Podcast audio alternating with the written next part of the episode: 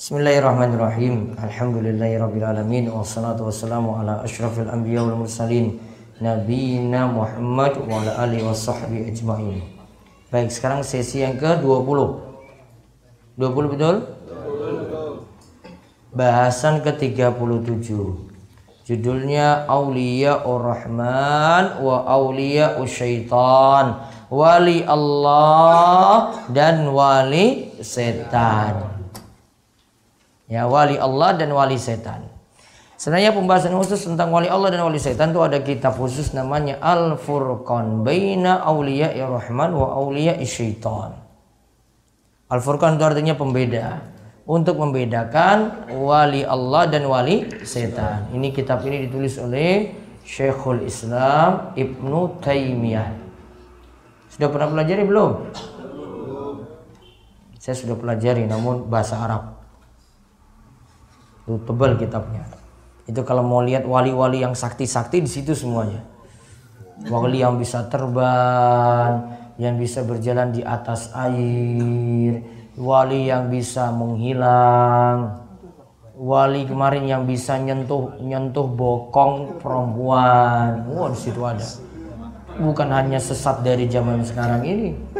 Wah itu sejak dulu Wali yang sholat Jumatannya dia di Indonesia namun nuruhnya itu di Mekah. Wali Majnun. Enggak pakai pintu Doraemon enggak itu. Wali Majnun. Ditanya kok enggak berangkat Pak? Ah, saya sudah sholat Jumatan di Mekah. Padahal lagi jam 12 di sini, di sana lagi jam 8. Dia mungkin punya dimensi waktu yang berbeda yang kita nggak pahami karena dia tingkatannya sudah terlalu tinggi. Jadi kita nggak usah pahami dia. Ya. Nggak usah pahami kemajnunannya. Jadi kita pelajari wali Allah dan wali setan. Nah sekarang lihat dulu tentang wali. Wali Allah dan wali setan. Wali maksudnya ialah kekasih atau orang-orang yang dicintai. Nah, jadi wali itu kekasih dan orang-orang yang dicintai. Berarti kalau wali Allah berarti dicintai Allah. Allah. Kalau wali setan? Dicintai setan. Nah, sekarang kita lihat ayat yang membicarakan tentang wali Allah. Allah berfirman, "Ketahuilah, sesungguhnya wali-wali Allah itu tidak mempunyai rasa khawatir dan tidak pula mempunyai rasa sedih, yaitu orang-orang yang beriman dan selalu bertakwa. Quran surat Yunus ayat 62 63. Ayat di atas menjelaskan bahwa wali-wali Allah adalah orang-orang mukmin yang bertakwa, yang selalu menjauhi kemaksiatan, yang hanya mau berdoa kepada Allah semata.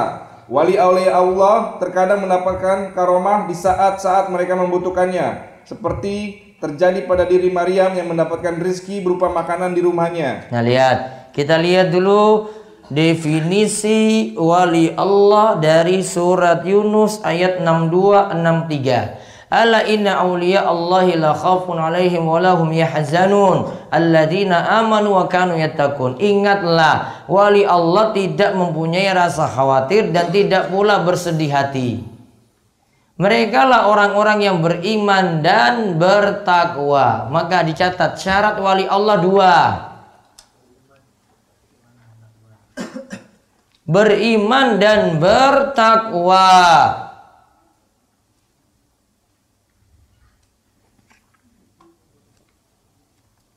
Beriman dan bertakwa. Lalu tingkatan wali juga ada dua. Tingkatan wali ada dua. Satu, Maaf, ini tingkatan wali Allah ya. Kita belum bahas wali setan di sini. Tingkatan wali Allah itu ada dua. Satu, wali Allah terdepan.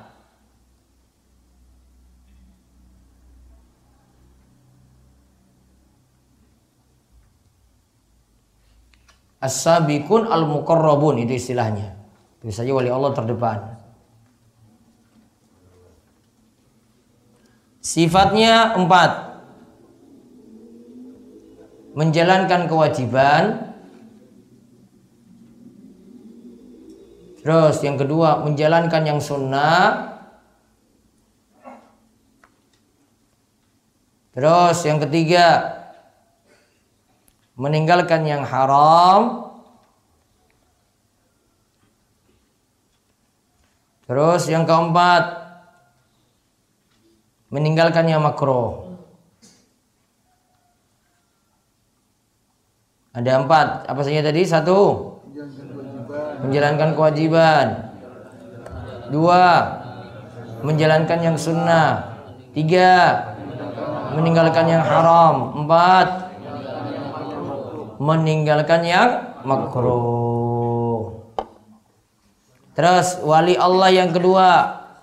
Wali Allah pertengahan.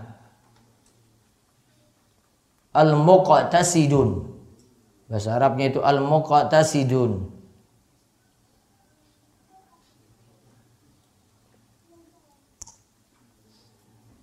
Sifatnya apa? Dua, satu. Menjalankan kewajiban. Dua, meninggalkan yang haram.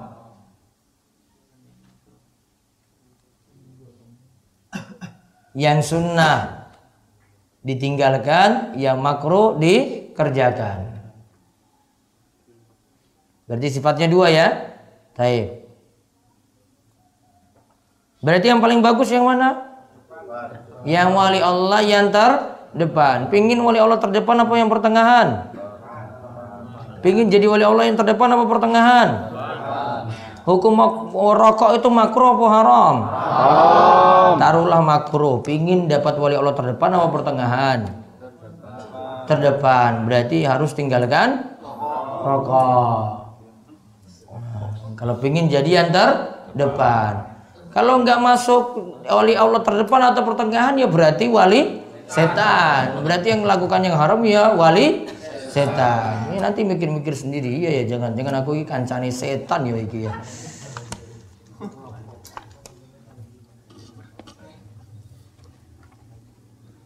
Jadi perokok.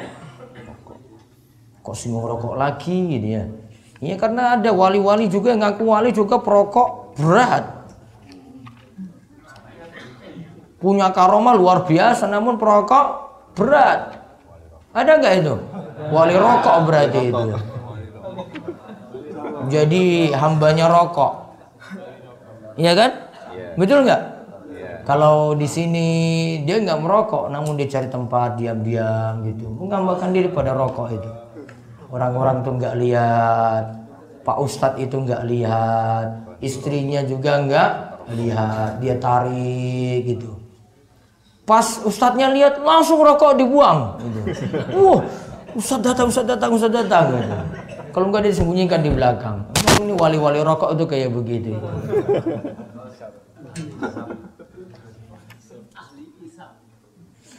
Kesinggung orang apa wes. Namun kalau punya karomah gimana? Wah itu bukan karomah itu kalau wali rokok itu punya karomah itu. Nanti kita bahas karomah itu apa. Nah, wali-wali Allah terkadang mendapatkan karomah. Jadi gini, ada istilah mukjizat, ada istilah karomah.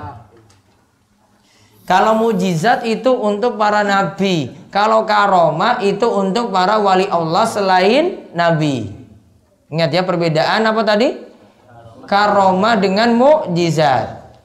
Kalau mukjizat itu untuk para nabi. Kalau karomah untuk wali Allah selain nabi. Contoh di sini disinggung karomahnya. Di saat-saat mereka membutuhkannya, seperti terjadi pada diri Maryam mendapatkan rizki berupa makanan di rumahnya. Diberikan karomah berupa makanan di rumah. Padahal lagi butuh sekali tiba-tiba makanan itu datang. Itu karomah yang luar biasa. Jadi ingat, perlu dicatat penting ini, ini karomah yang paling luar biasa bagi wali Allah itu kata Syekhul Islam Ibnu Taimiyah adalah istiqomah. Dicatat. Karomah wali karomah wali Allah yang paling luar biasa adalah istiqomah. Itu nggak ada yang bisa kalahkan itu.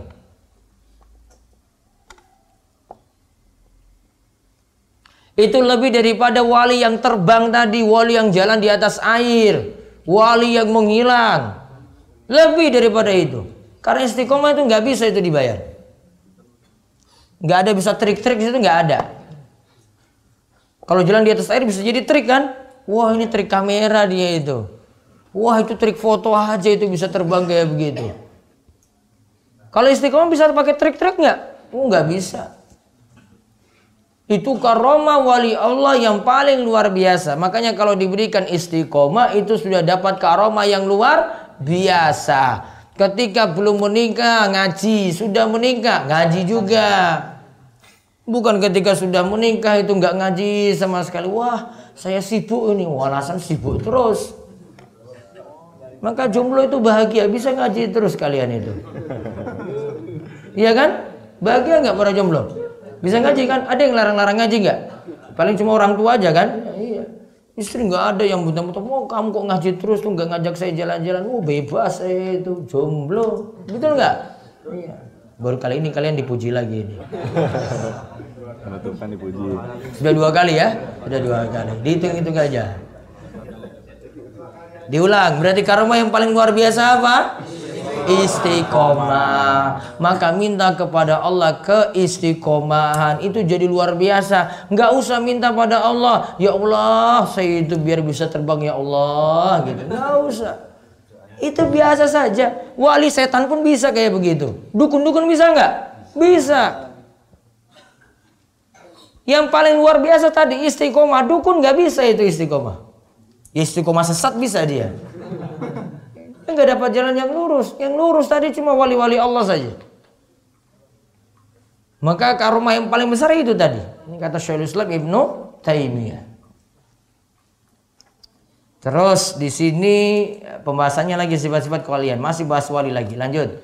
Sifat-sifat kewalian memang ada, tetapi itu tidak akan diberikan oleh Allah kecuali kepada orang-orang mukmin yang taat lagi bertauhid Karomah tidak menjadi syarat bagi seseorang untuk dikatakan sebagai wali Allah karena Allah tidak mensyaratkan hal seperti itu. Yang jelas orang-orang fasik atau musyrik yang berdoa dan memohon kepada selain Allah tidak akan mendapatkan karomah dari Allah. Karena bagaimana mungkin orang-orang yang tidak mau tunduk, sujud dan menyembah Allah akan mendapatkan penghargaan dan kemuliaan dari Allah. Nah, lihat Karoma tidak menjadi syarat bagi seseorang untuk dikatakan sebagai wali Allah. Jadi kalau jadi wali Allah itu belum tentu dapat karoma. Tadi karoma tadi tiba-tiba ada makanan gitu. Itu nggak mesti. Syaratnya bukan itu. Namun syaratnya tadi apa disebut wali Allah? Iman dan takwa. Dua syarat ya, beriman dan bertakwa. Itu saja.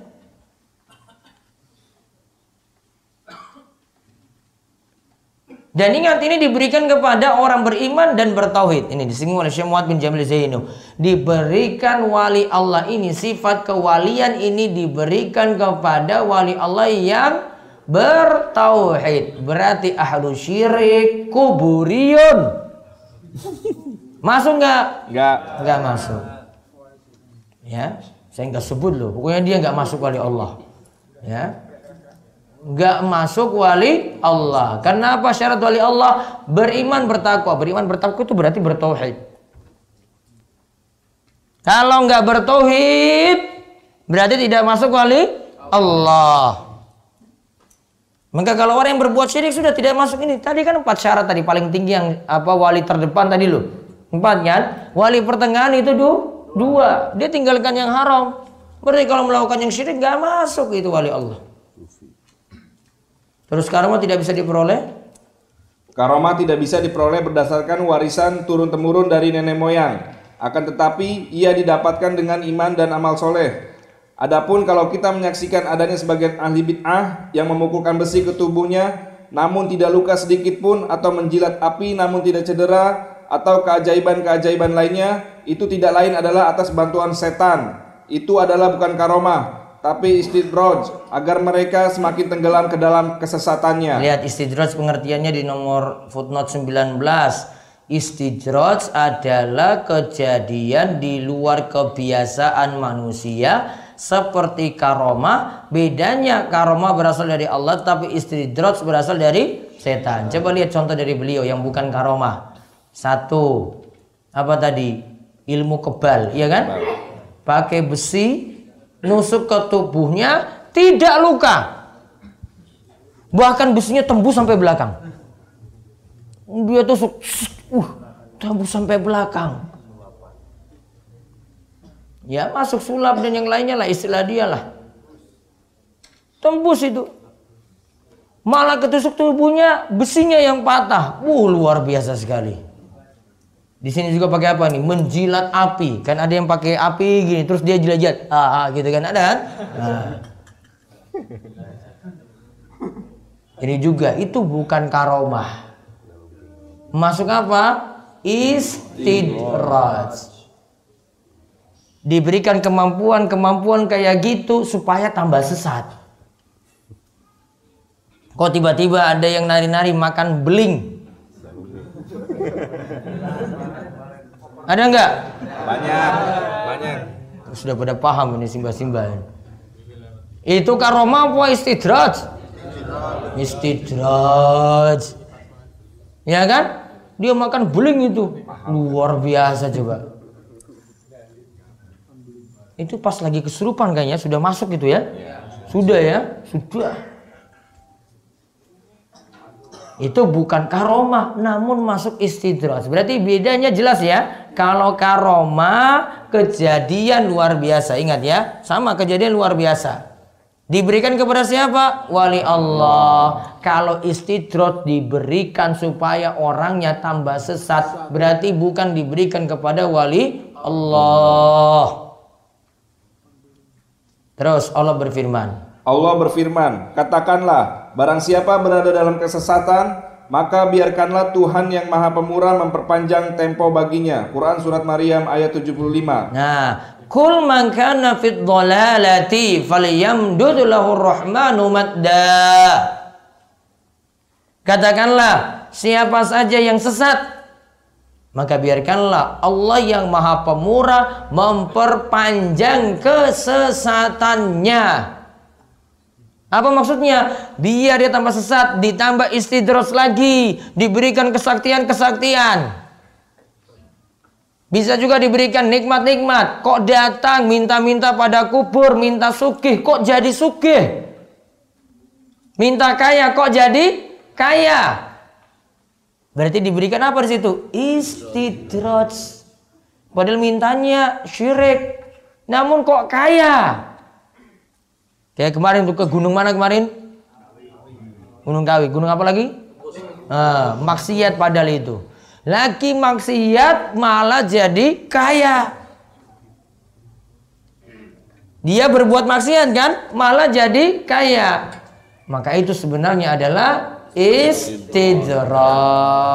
Jadi istidraj istidraj paham ya? Istidraj itu adalah diberikan nikmat padahal sedang berbuat maksiat, lagi sesat, namun dapat nikmat, dapat kesaktian, dapat kekebalan. Terus di bawahnya lagi. Mereka yang pernah pergi ke India niscaya akan bisa menyaksikan atraksi orang-orang majusi kafir yang lebih dari perbuatan di atas. Mereka saling menebaskan pedang satu sama lain tetapi tidak menimbulkan luka sedikit pun. Masya Allah. Ya, jadi saling beradu dengan pedang.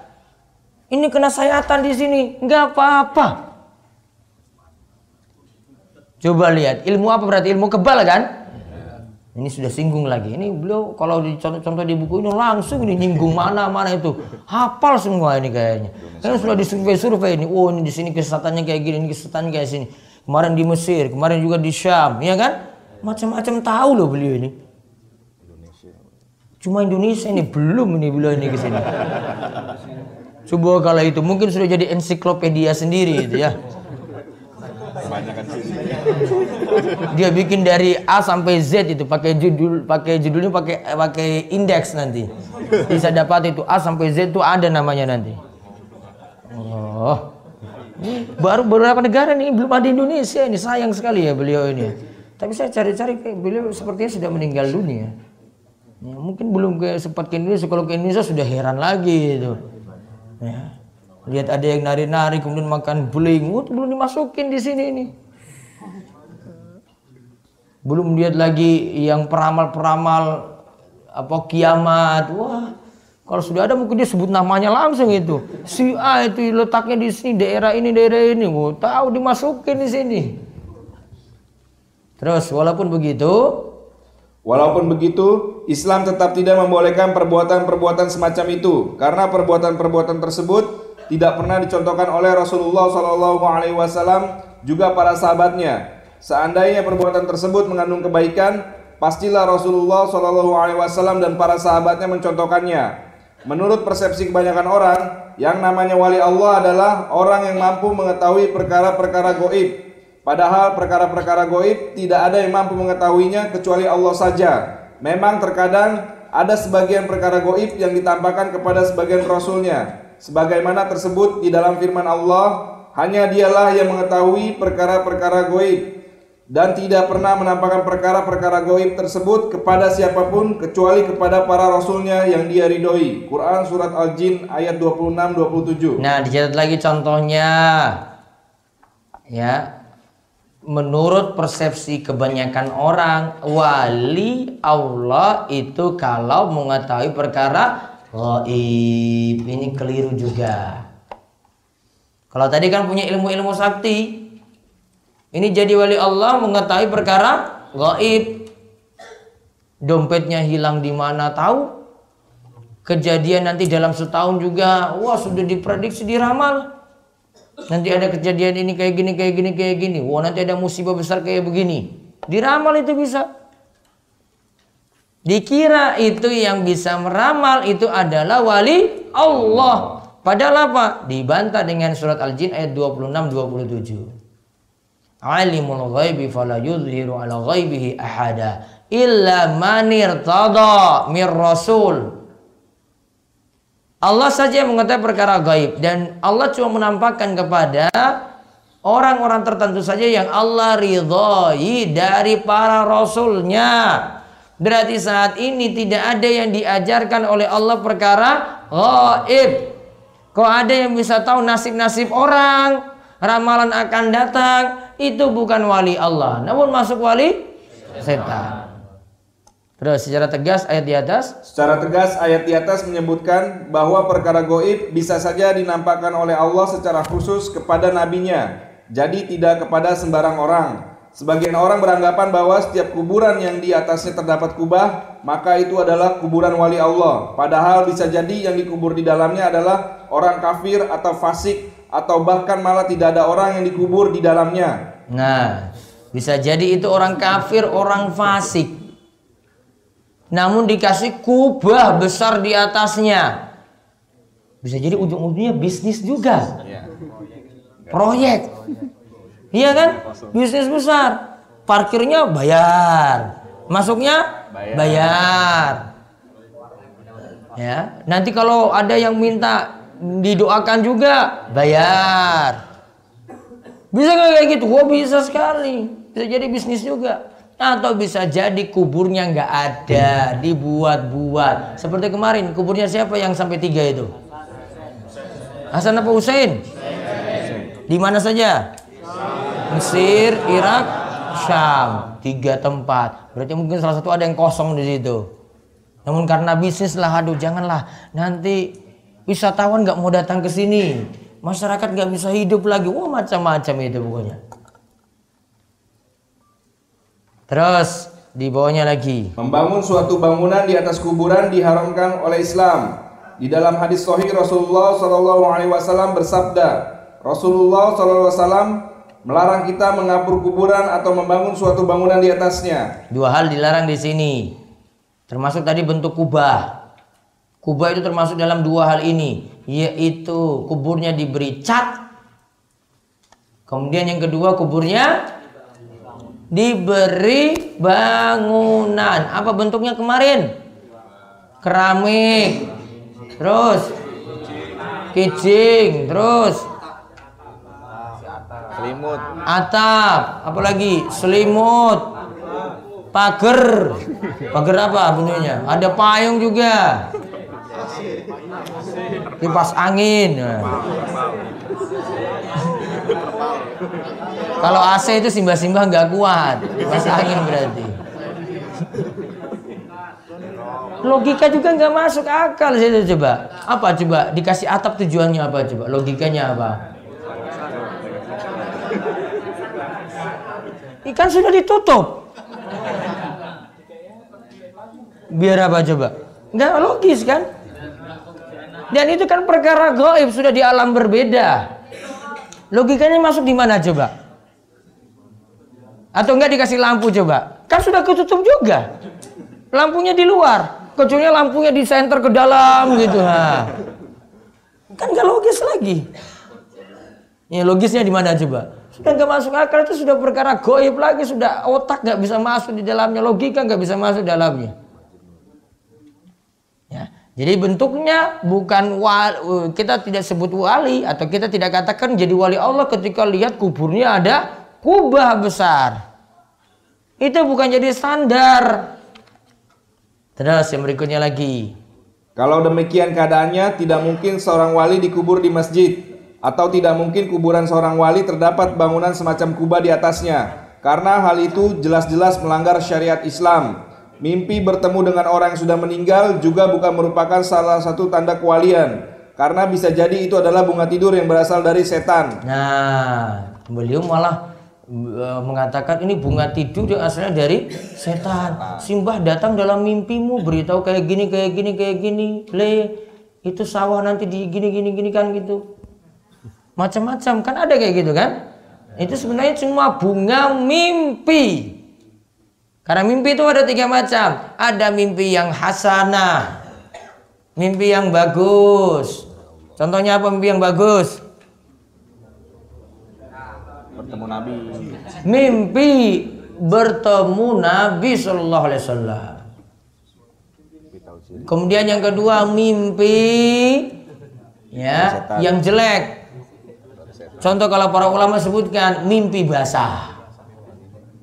Itu mimpi yang jelek itu. Kukira itu mimpi bagus, iya, pikiran mimpi bagus.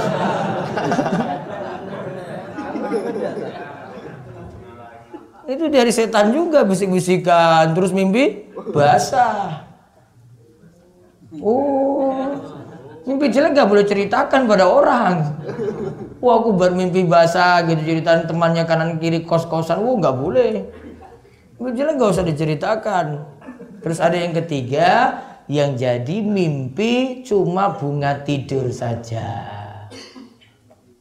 Contohnya mimpi apa? Dapat motor dalam mimpi. Motor dalam mimpi. Berarti bunga tidur hiburan aja. Bangun, wah, bermimpi. Ya, itu bunga tidur. Mimpi besok nggak menjomblo lagi. Apa masuk yang mana coba? Cuma bunga tidur aja. Aduh kasihan dia lo. Mimpi. Saya kok mimpi sudah di pelaminan, bangun gini. Ya, gak ada istri samping saya. Cuma mimpi, bunga tidur. Bunga tidur. bunga tidur itu.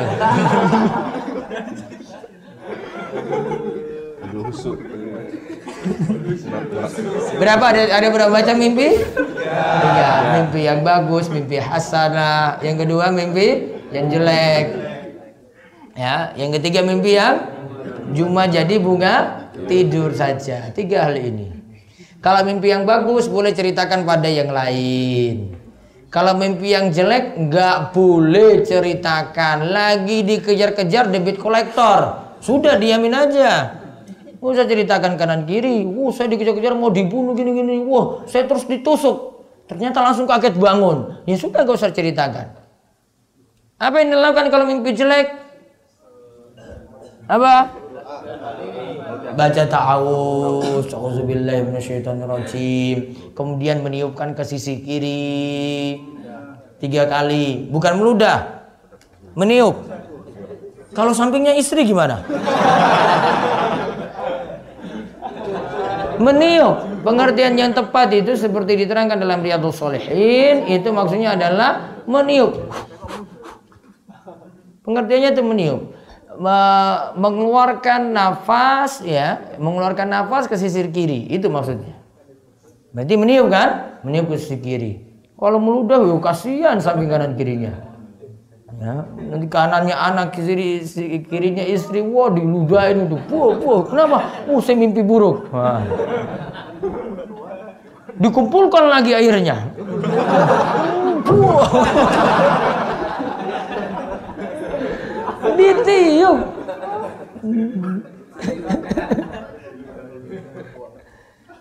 Jadi tiga ya, tadi dua eh, satu apa tadi baca tahu terus yang kedua minum ke sisi kiri ketiga tidak boleh menceritakan kepada orang lain. Ada bahasanya bisa dilihat di rumahsa.com itu ada bahasan-bahasan terakhir tentang mimpi buruk. Ya kiat-kiat yang bagaimana untuk mengatasi mimpi buruk tadi. Terus yang di bawahnya lagi khurafat. Khurafat bukanlah karomah. Dalam satu edisinya di bawah judul Khurafat Ad-Dasuki, da- majalah At-Tauhid menulis dalam catatan pinggir kitab As-Sawi disebut sesungguhnya Ad-Dasuki bisa berbicara dengan segala bahasa, bahasa asing, bahasa Suryani, bahasa binatang dan bahasa burung. Dia berpuasa sejak di dalam buayan ibunya. Dia Wow. bisa Terus dia bisa melihat la- Oh, mati, Set. habis.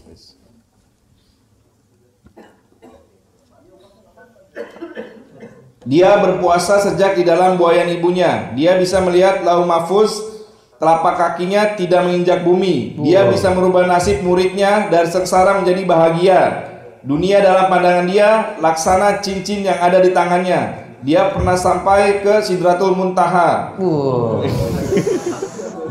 lebih sufi lebih luar biasa. Itu Terus Itu semua adalah omongan batil.